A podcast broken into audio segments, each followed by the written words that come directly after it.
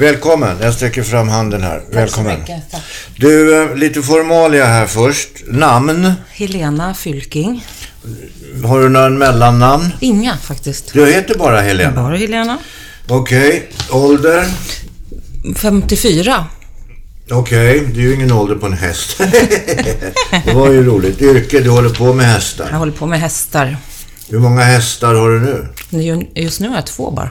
Två. Mm. Hur mår de då? Sådär. Den ena har en hovbensfraktur och den andra har kissing spine och ska slaktas. Jaha, känner du någon bra veterinär som har en stor spruta? Ja.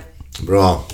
Du, du hästar är ju besynnerliga djur.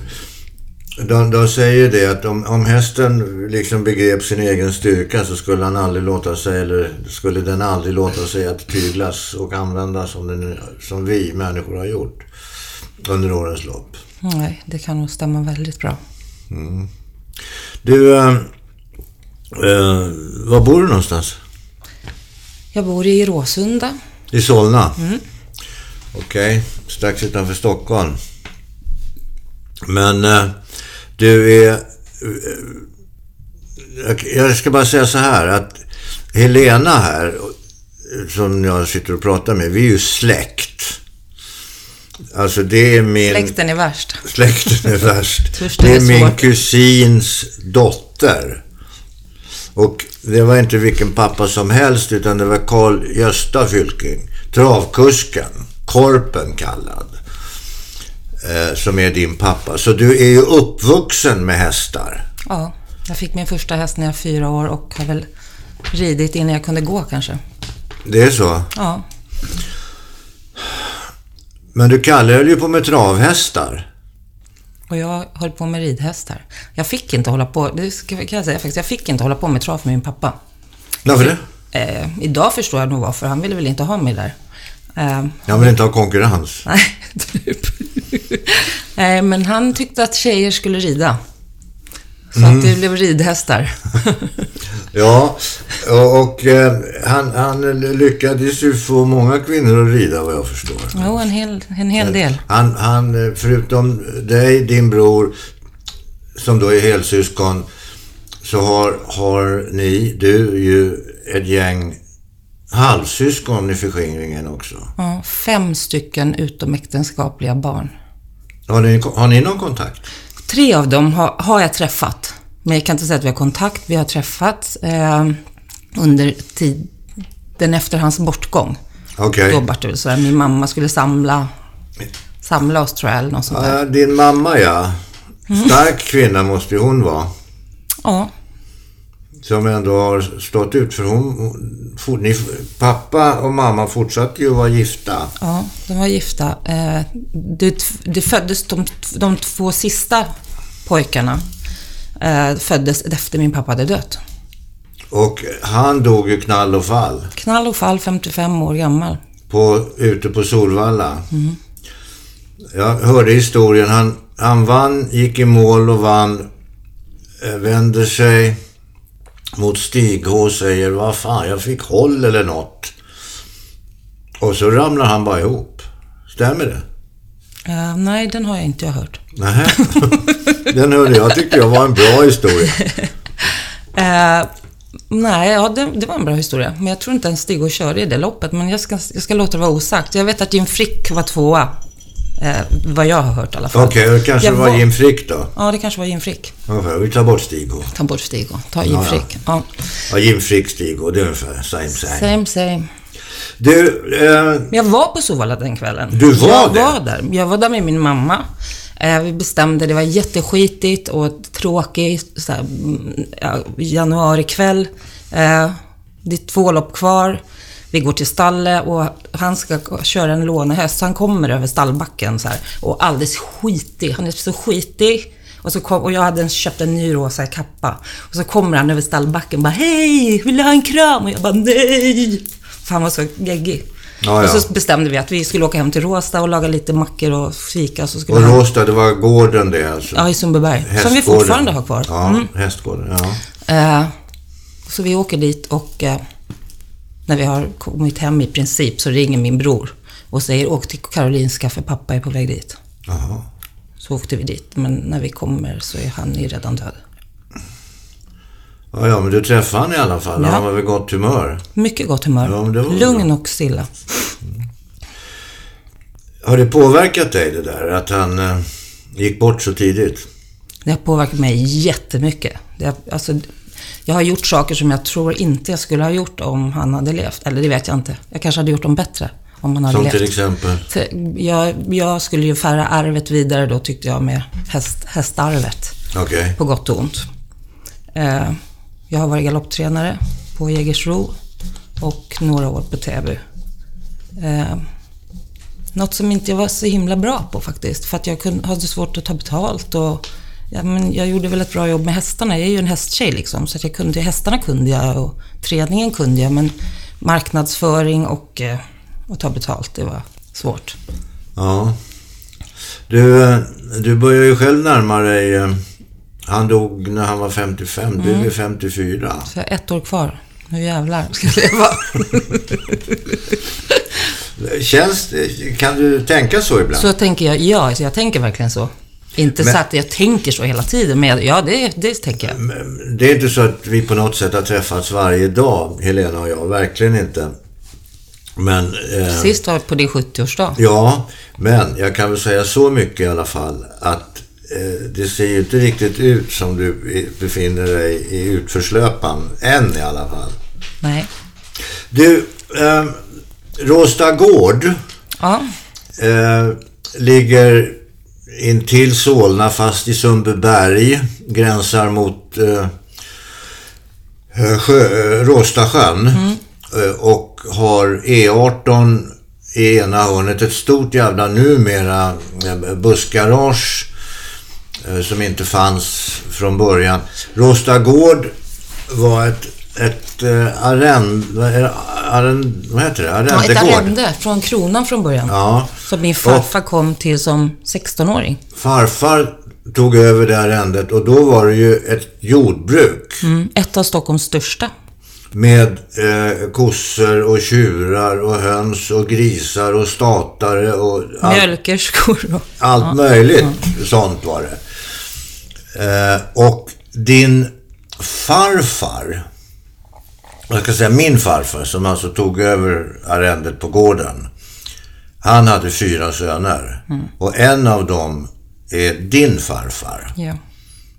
Och han tog över gården. Varför farfar var inte myndig? Men han, han blev ju, vad hette det, agronom, hette det så? Arrendator. Arrendator, okej. Och Gösta Fylking, Agronom, kleptoman. Det är bondtjuv det. det, vad heter det, jo, Gösta Fylking började ju med travhästar. Ja, efter på ja.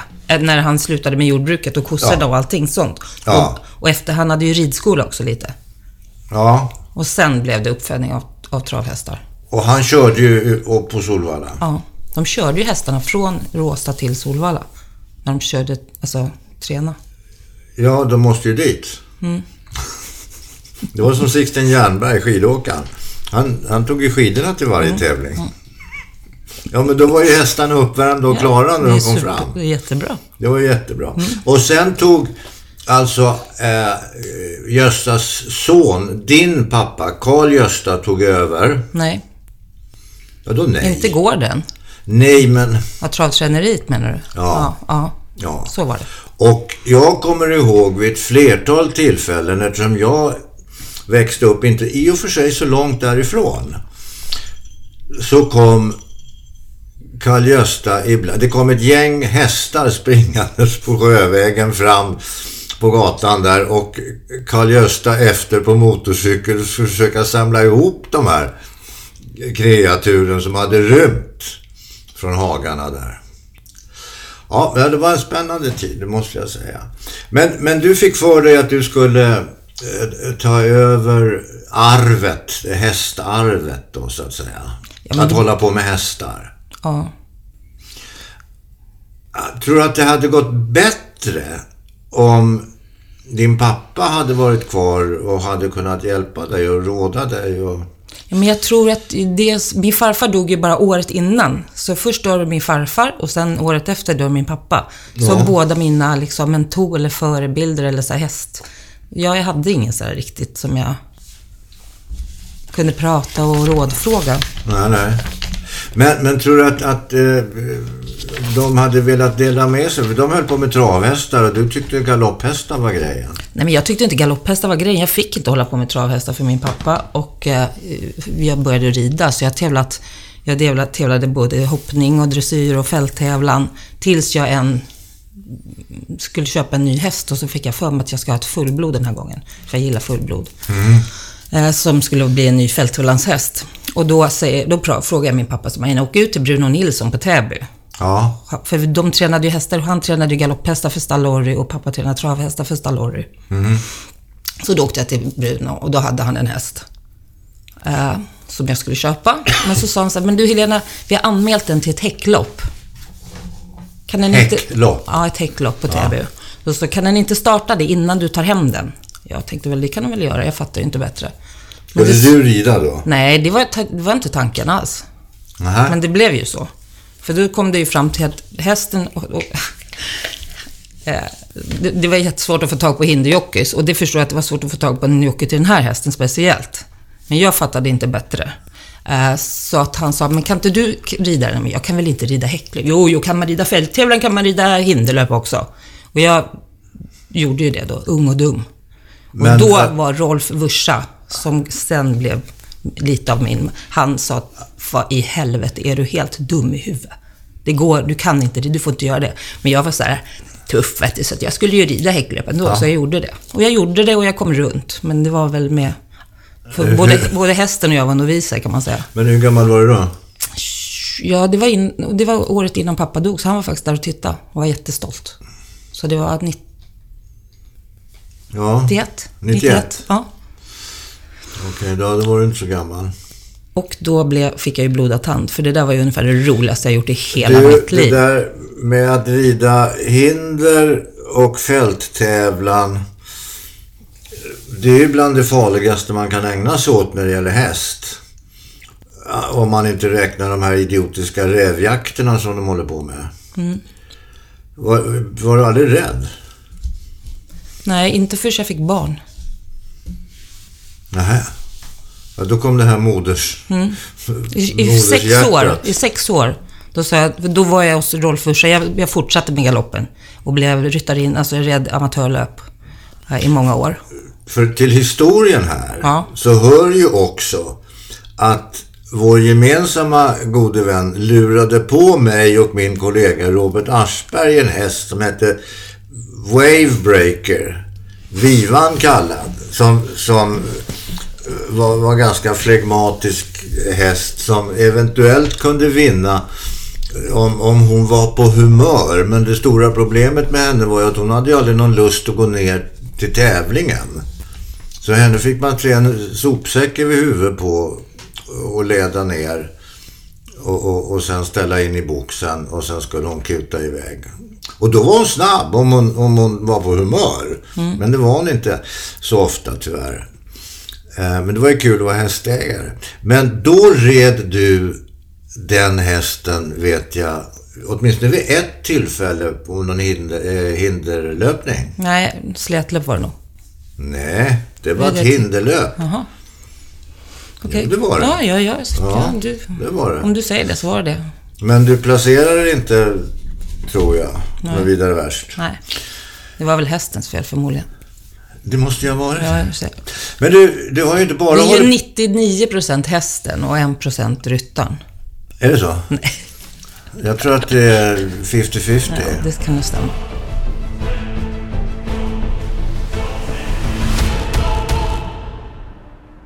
Du, men du har ju inte bara hållit på med hästar. Du har ju hållit på... Du har varit eh, bland annat flygvärdinna också. Mm. Flygvärdinna vart jag när jag hade fött barn. Och Då lugnade jag ner mig lite grann med häst, hästeriet. Ja, men det höll ju på att sluta illa vid ett tillfälle om jag minns rätt. Med flygningen.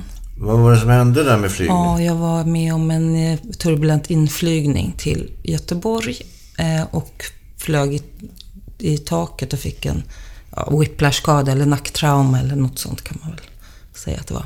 Du stod, var ute i korridoren eller mellan Ja, längst bak var jag. Längst bak i Och gallet. så en luftgrop då. Och så försvinner planet. Och jag satt i taket.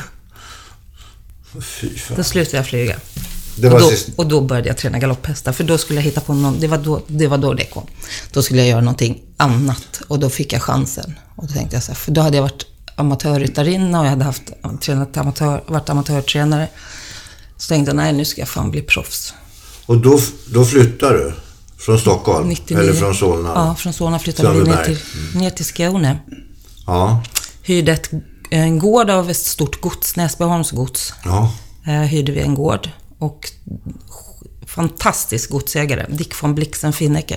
Han eh, rustade upp, det var gamla ladugårdar och så där, det fanns inga stall. Nej, nej. Så vi, jag fick rita och berätta hur jag ville ha det och de byggde stallarna som jag fick.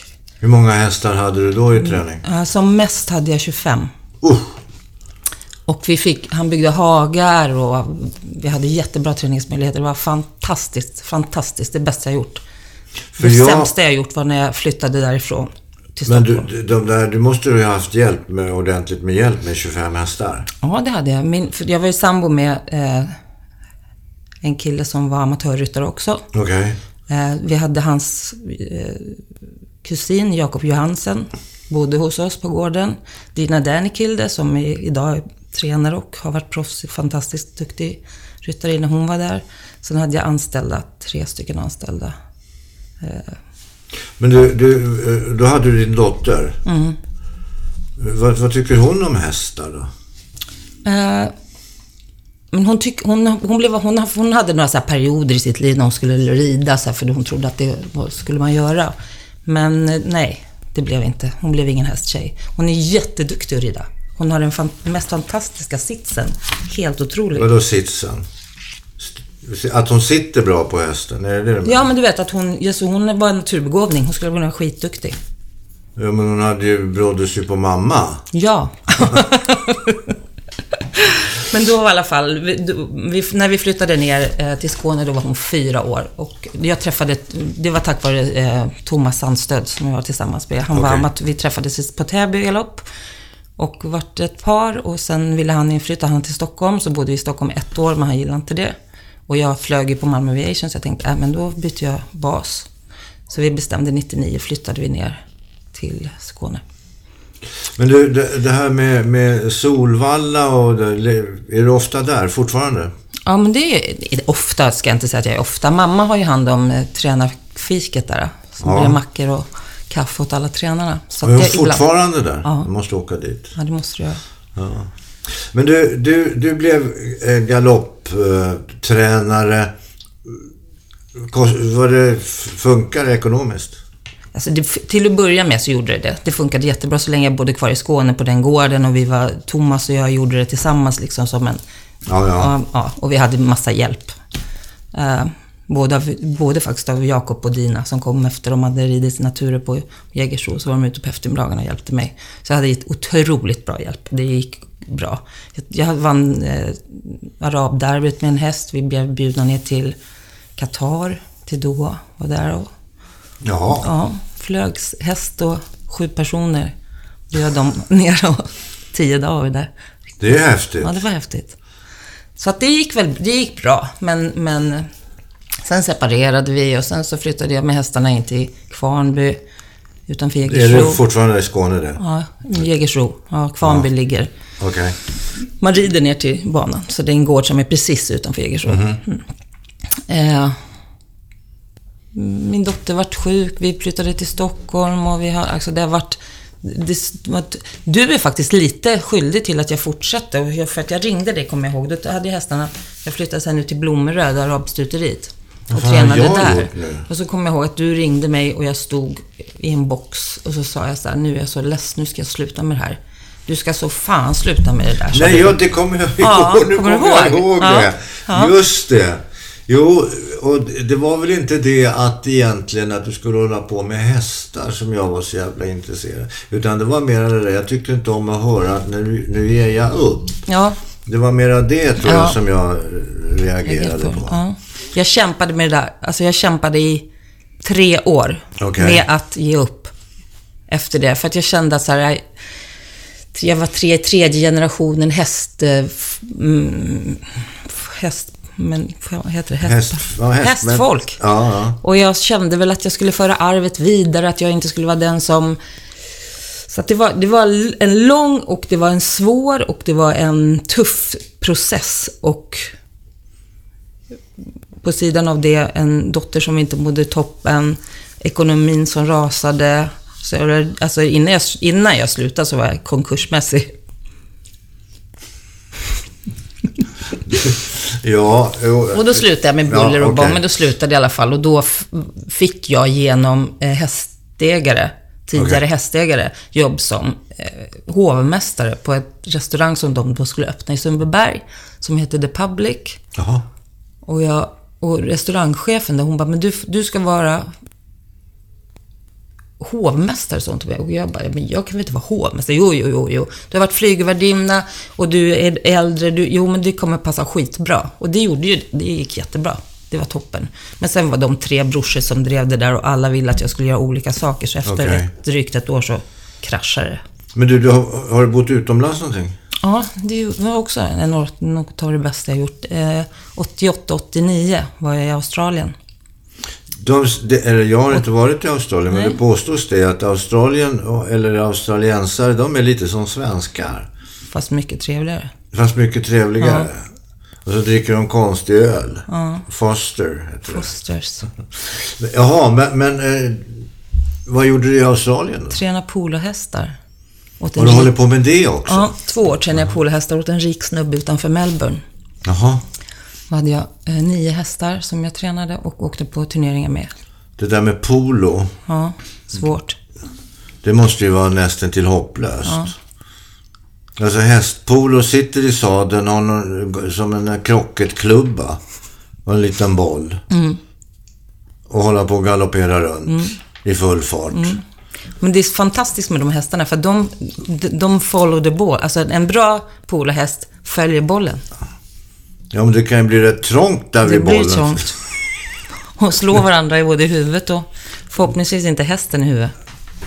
Men, men eh, du, spelade du polo också? Nej, jag spelade någon sån här träningsmatcher bara. Men, Men det du- var med, jag tränade hästarna- hästarna, och kände, jag tränade ju dem stick and ball med hästarna och så, det gjorde jag ju. Men jag, jag spelade ju inte några matcher, det är skitsvårt.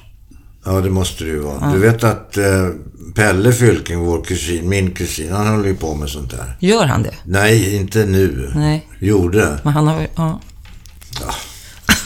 Var ute i, de har ju något utanför, vad heter det, Almarestäket va? Där har de en poloklubb tror jag. Ja, ja, jag vet inte. Jag vet inte. Det var ett tag sedan jag pratade med du, nu har ju, nu har ju eh, Stockholmsbanan, jäg, eh, vad heter det, galoppbanan som låg ute i Täby. De har ju flyttat ut till Bro nu. Ja, jag kan ju säga så här, jag är glad att jag slutade innan den flytten blev av. För det där är Stockholmsgaloppens fall. Det är det. Det kommer aldrig att gå.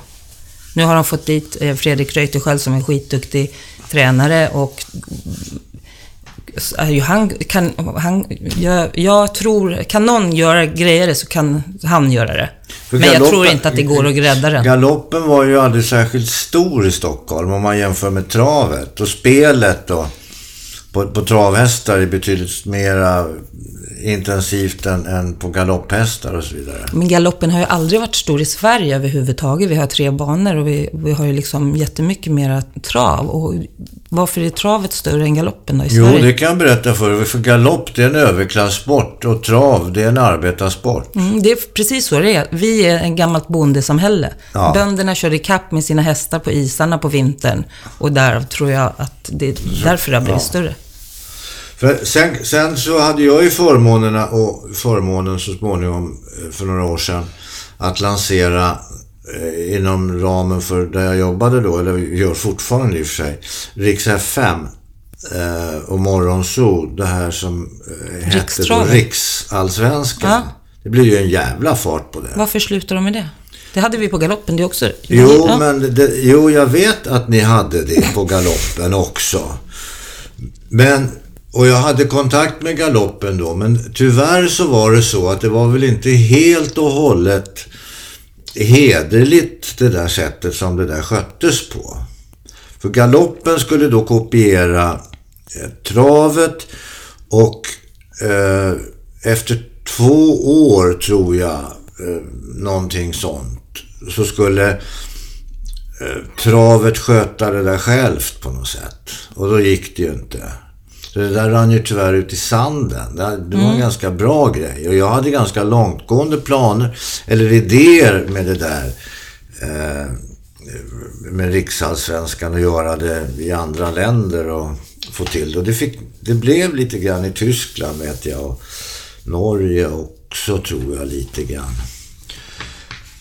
Eh, för jag tänkte, vad fan, kan man ha landskamper i fotboll så kan man väl ha landskamper i travhästeri också på något sätt. Eller galopphästeri på det viset alltså. För det fiffiga med det där riksallsvenskan, det var ju det att du hade tusen ägare på en häst. Ja, men det var ju jättebra reklam. Det var ju en bra reklamgrej. Ja, det var Så jag fattar inte varför... Ja, det var ju synd. Ja, ja, men du vet, då skulle, då skulle att folk ska sköta det själva. Och det, och det, det här går så bra så det här klarar vi själva. Äh, larv. Mm.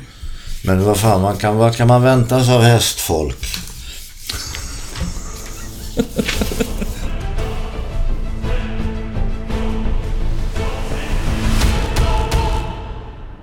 Du har ju vuxit upp, du har ju haft ett, ett, en brokig uppväxt och en, ett, ett brokigt, sådär, kringelikrokigt liv. Inget dåligt liv, det är inte det Nej, jag har jag haft säger. ett jättebra liv. Jag har gjort Men- massa Jo, grejer. du har gjort Ja. väldigt mycket saker. Du har besökt olika platser och du har genom hästandet eller ditt hästintresse eller galoppintresse och tränarintresse så har du ju faktiskt gjort och träffat en jävla massa kul folk på olika ställen i världen. Mm. Eh, nu då? Hur ser framtiden ut? Framtiden ser ut att jag flyttar tillbaks till Råsta i sommar. Eh, och där ska det bli lite Fawlty Men. Råsta är ju inte Råsta gård som det var en gång i tiden. Nej, det är inte Råsta gård som det var en gång i tiden. Det är bara Ett litet hus i princip. som och ligger. stall med 16 hästar. Okej. Två Och- hus. Och ett litet, en litet gärde där utanför. Som de kan gå Jaha, på. ja. Funkar bra. Men, Så men, jag har lite planer för vad som ska hända där, både med gården och med huset. Det börjar med lite veckoboende. Jag ska ha Fawlty Towers där. Folk får hyra in sig och bo. Nej, men det där får du förklara närmare. Du, Du kanske ska bli den här, vad heter han? Vad heter han som går med väskorna? Piccolo, vad heter han? Ja, jo absolut. Nej, men Manuel, jag har Manuel. emot, jag, jag, man, jag har ingenting emot att arbeta, så tror inte det. Men, men du ska alltså... Vad är tänkt för publik då, som ska komma och bo där menar du? Eh, publiken ska vara vecko, de som arbetar veckovis i Stockholm. Jag hyr ut rum till dem. Okej? Eh, de får komma på måndagen och åka hem på fredagen. Inge, inget helgboende. Nej, nej. Eh, jag fixar frukost och middagar om de vill det. En slags halvpension då? Ja, men typ. Och lite om de vill ha representationsmiddagar så kan jag ordna med det. Viner och man Hur många träffa- gäster kan du ta Tre. Förlåt? Tre. Tre? Det är det jag har tänkt och det in, ja, det, är det som är lämpligt. En lämplig siffra. Hur många, så, eh, hur många sådana människor finns det? Har du undersökt marknaden? Ja, men det finns ju marknad för det. För det, man ser ju in till stora arbetsplatser och sådär, så står det ju, och då menar jag byggen och sånt. Ja, men de som väldigt- inte vill bo i husvagn till exempel. Så står det ju mycket Mm, husvagnar uppställda. Det här ligger centralt. Det är nära till tunnelbanan om man vill det. Det är nära till bussar. Det finns gratis parkering. En härlig trädgård. Ja, och, en härlig värdinna. Framförallt öppen spis. Brasan sprakar när de kommer hem på vinterkvällen. Ja, men det är ju perfekt. ja, Ute på Råsta gård. mm, ute på Råsta Vad gård. roligt. Va, vad ska det heta? Ja, det kan det inte bara heta Råsta gård? Ja, det tycker jag. Ja. Absolut, det är väl ett jättebra namn. Mm. Och när ska du börja med det? Till hösten då? Ja, Fan vad spännande. Ja, då får du höra av dig. ja jag hör av mig. Jag jobbade ju ute på Västerbo stuteri som så kallade hästskötare ett tag. Och där hade jag hand om 18 tävlingshästar.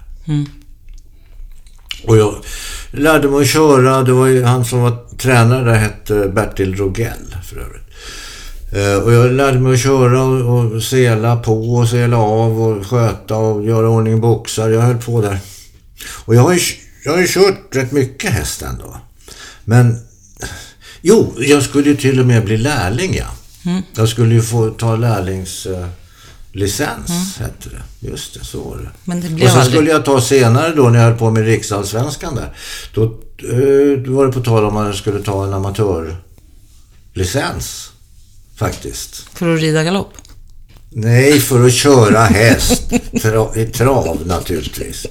Men du har... Men det, det värsta jag, alltså man kan köra häst, jag- det värsta tror jag jag har varit med om, någon som ska vill köra häst. Det var, eh, jag hade en liten eh, tid där jag umgicks en hel del med eh, Dragan Joksovic. En fling, som det heter. Ja, jag vet inte. Jag tror att han var, han var ju väldigt travintresserad och spel framförallt intresserad. Ja. Så att han var nog mer intresserad av min pappa än av mig. Okej. Ja, så att jag tror nog det var därför vi... Träffades. Det var på den tiden han var på... Det var, alltså det här var tidigt, jag var väldigt ung, 22 eller något Okej. sånt. Eh, och vi träffades, det var då han var på Alexandra. Livvakt åt Alexandra Charles. Jox så kallad. Mm. Han ville i alla fall köra häst. Okej. Och jag tänkte, okej. Så han fick följa med upp. Jag tänkte, jag kan inte ta honom till Solvalla, det kanske blir tokigt. Vi tog med honom upp på gården på Helgjobbet. Okej. Och så sällade jag för den snällaste jag kunde hitta. Och med en sån långsam vagn där man kunde sitta två i så att jag följde med. Och så körde En och han, rocker. En rockad. Du, han var den mest okänsliga människa jag träffat i hela mitt liv. Han körde den här, du vet, han bara ja! Runt på banan där. Tur att det var en snäll häst. Annars hade det kunnat gått hur som helst. Den höll sig i trav. Det var ingen som försöker gå i, klippa i sken Det eller går någonting. ju rätt fort ändå. Det gick jäkligt fort och han är Eh, inte ja. tillräckligt fort för honom kan jag säga. Han, han var ju inte, han hade någon sorts dödslängtan eller något. Jag vet Jo, inte men vad han var ju dessutom var han ganska stor och tung den där killen. Ja, han var väl två meter. Hans händer var som dasslock. Ja. Jaha, ja. Ja, ja. sen blev han skjuten. Sen vart han skjuten. På Solvalla. Ja. Fast det var lite senare. Ja, det var lite senare. Men det var ju en jävla gangster. Han var en gangster. Ja, där ser man vilket spännande liv du har haft. Mycket spännande. Ja. Ja.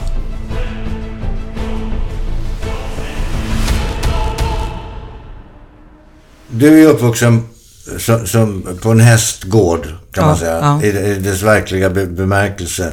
Med ett gäng travhästar. Du fick, inte, du fick inte själv hålla på med trav, men du började med galopp istället. Men på den tiden så var ju den stora galoppbanan, det var ju Ulriksdal. Mm. Alltså, vi kan börja, vi kan gå tillbaka så långt tillbaka. Min pappa ville bli jockey. Mm-hmm. Han hängde nere på Ulriksdal. Och han klättrade på sin pappas, de här ridhästarna och red barbacka över ängarna och var helt vild. Men att han inte blev jockey var tack vare min farmor. Hon sa nej. Och det kommer jag ihåg att det sa han alltid sen efteråt att tack och lov mamma att du sa åt mig att inte bli jockey. Så hade jag fått banta hela mitt liv. Nu kan jag äta och Ja, just det. ja, det, Men du, din, din, din pappa Karl-Gösta Fylkenkorpen kallad, han, han började ju då köra på Solvalla. ja. Eh, hur var det att växa upp då ha- halvvägs på Solvalla och halv, eller halvtid på Solvalla i princip? Och halvtid på, på Råsta? Det var väl en kul tid. Jag, fick, jag höll ju på med, alltså jag säger att jag inte håller på med trav, jag håller på med trav. Jag gick, eh, under min uppväxt och skoltid så, så jobbade jag på somrarna hemma, både på gården sen, uppe i Gottröra och eh, på Solvalla. Så jag Ja. fick ju hålla på med det, det fick jag. Men sen, han, han liksom, han, han peppade aldrig mig så att jag skulle bli travtränare. Och jag vet att mm, när jag mm, tränade nere i Skåne så delade jag stall vid ett tillfälle i Kvarnby med Helena Burman, som är stor, duktig travtränare idag. Och hos henne så var Johnny Takter och eh, eh, körde jättemycket. Så jag körde mycket tillsammans med honom och Johnny sa så här, men vad fan Helena, sluta med galoppen, du ska ju hålla på med trav. Jag bara, men gud, jag kan inte, trav kan inte jag. Det satt i mig liksom så att... Och han bara, vad fan, du, det har, du har i generna, sa han. Men du, Kalle, Kalle var ju en väldigt populär tränare. Mm. Och, och eh, kusk. Kusk framförallt. Ja, Spelarnas vän kallade de honom. Ja, småspelarnas vän. Mm. Han var så kallad catch driver. Han första i Sverige. Ja, Han och norrmannen, vad hette han? Jag vet inte. Nej, ja. Men hur som helst så reste han land och rike runt Mm. och körde hästar. Och var jävligt framgångsrik. Mm. Hur många löp vann han? Har, har, vet du det? Nej, faktiskt inte. Jag vet inte. Ja, men det- Det var- 10 det är ju inte- 10 000 i alla fall. Ja, ja, 10 000 var det. Men, men det var ju inte som på den tid som det är nu. När catchdriverna åker runt och kör liksom varenda dag. Han kanske körde två, tre dagar i veckan. Ja, det räcker väl. Ja. Men man Sen, kom... så, sen köptes, eh, kommer jag ihåg, Helgåby. Mm. Någon gång på 60-talet va? Ja, när de trodde att Rosa skulle försvinna. Farfar var ju jätteorolig. Det byggdes Ör och Hallonbergen och Ja, allt det. kröp bara på. Bussgarage hade de ju byggt också då. Mm. Eh, Då trodde han, nu är det kört. Helgåby låg uppe vid Gottröra. Ja, fem mil ungefär upp från stan. Förbi Arlanda ut. Bodde du där någonting? Ja, jag- vi flyttade upp dit. Vi lämnade Råsta när jag skulle börja åttonde klass. Då flyttade vi upp. Så Hur bodde jag kändes där. det då, att bli uppsliten med rötterna just i den åldern? Det kändes jättebra, för jag älskade hästar och jag fick ju, där hade jag ju liksom gård och hästar och det var ju det som, Ja, var, ja. som var grejen. Så Men det, du saknar inte kompisar? Nej. Nej, det gör jag inte faktiskt. Du, du berättade att din... Mannen som du har din dotter med, är han Ja. hästmänniska? Nej, han är, han är helikopterpilot. Jaha. För att annars så, så verkar det på din historia som att mycket kretsar kring hästar och hästfolk och det är ju på samma sätt som eh, man får en känsla av mediafolk, de gifter sig med mediafolk och skådespelare, de gifter sig med skådespelare. Ja, men därför att det är ju en livsstil. Alltså man, tar, man jobbar ju inte 9 till 5. De åren som jag var tränare, på 12 år, så hade jag totalt tre veckors semester på 12 år. Du hade insparad semestertid alltså? Så säga. att man liksom, man kan ju inte leva med någon som inte har samma intressen och fattar det. Men är det någonting som du, som du anser att du har fått försaka då? Ja, att bli skådespelare. Alltså jag tror att om jag inte hade fötts av eh, föräldrar eller en far som var att jag inte, Då tror jag att jag hade blivit skådespelare. Ja, det blev ju jag istället. Ja. Men det tror jag att jag, det, det skulle jag ha velat bli. Nu Du- är det du- kört liksom, too om late. du som hörde, hörde historier från ett annat håll än vad jag gjorde, vad, vad tyckte släkten om det jag höll på med? Nej men jag, vet, jag är så släkten, men jag kommer ju i alla fall ihåg att farfar hade synpunkter på dig och dina bilköp. Ja, jag var intresserad av amerikanska bilar. Mm, du kom glidande ner på Råsta med det ena vrålåket efter det andra och han tyckte att det var ju som att kasta pengar Ja, men det var inga, det där var fel för det var inga vrålåk. Det var nästan till uh, skrotbilar det mesta utav det. Men jag tyckte om amerikanska bilar, gör fortfarande. Och det enda faktiskt som jag har kvar, som jag ännu inte har ägt, men som jag tycker att jag är värd att äga, det är en Rolls Royce. Så jag Mm. Det är väl börjar titta efter Rolls Royce också. Men jag vill inte ha en, en högerstyrd, jag vill ha en vänsterstyrd. Alltså, ja, På riktigt styrd. ja, ja, ja skitsamma. Men annars tror jag inte jag har hört några stora synpunkter om vad du har gjort. De har väl, jag, tyckte, jag tror att pappa tyckte då att du var rätt cool, liksom, det du höll på med. Ja, för det gick ju väldigt mycket bredvid vad alla andra höll på med. Ja. Du, du eh, han, jag tror han, min pappa alltid gillat alla som är annorlunda. Han var, det måste jag säga, han hade många negativa sidor och gjorde många dumma saker, men han var, han sa så här, så länge kvasten inte skäms för dig, så ska du inte skämmas för kvasten. Och han tyckte liksom, han, han hade inga, så det spelar ingen roll, han, han var lika mot alla vad de än var för några. ja.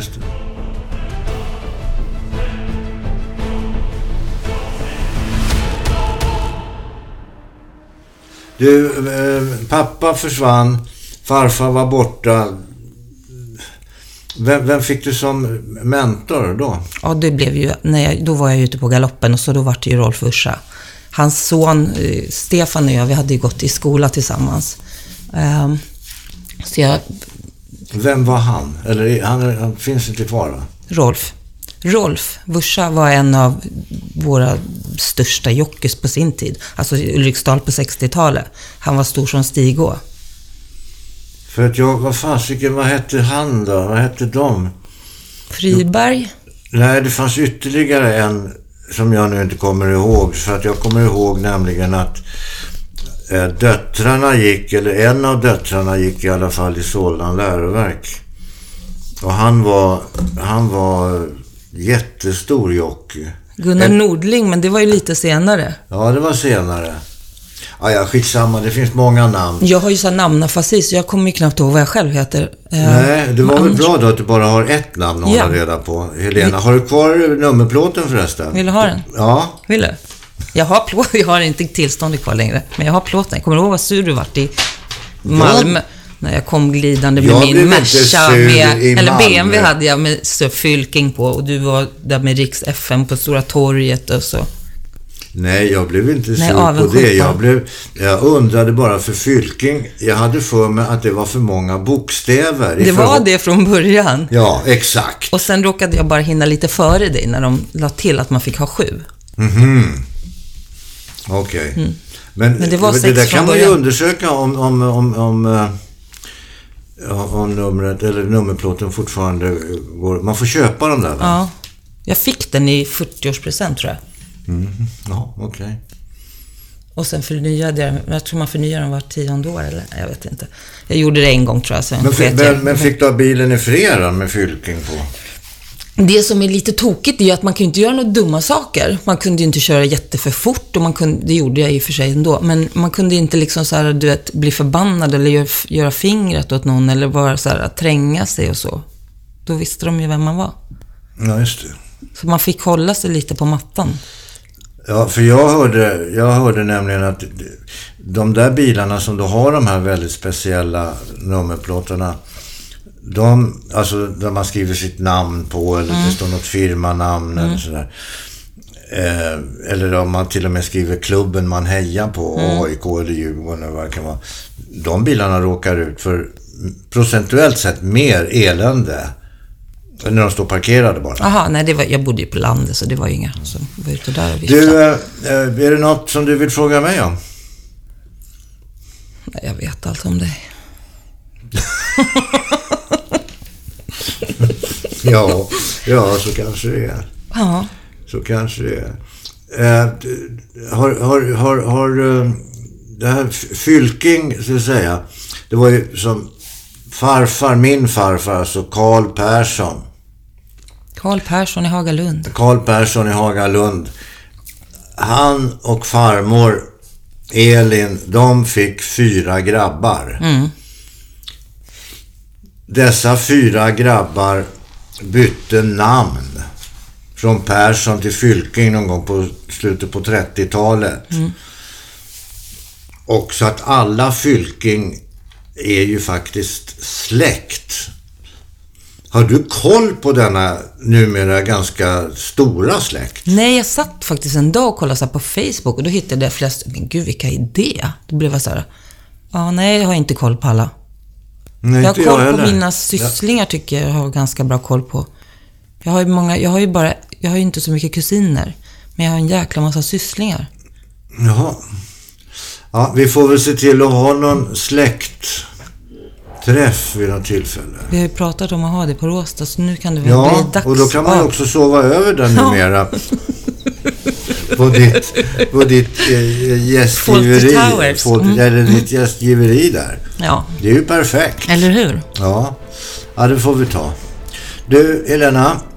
Eh, nu har vi kommit fram till slutet här. Och jag vill tacka dig så hemskt mycket för att du tog dig tid att komma hit. Det var väldigt roligt att träffa dig. Tack Och själv. det är tyvärr på det viset att eh, vi ses för sällan. Man tänker att man ska, men ja. Jo, och så blir det inget av. Nej, och nu vill jag att du eh, på en gång hälsar till morsan din i alla fall. Det ska jag göra. Tack snälla du. Tack själv.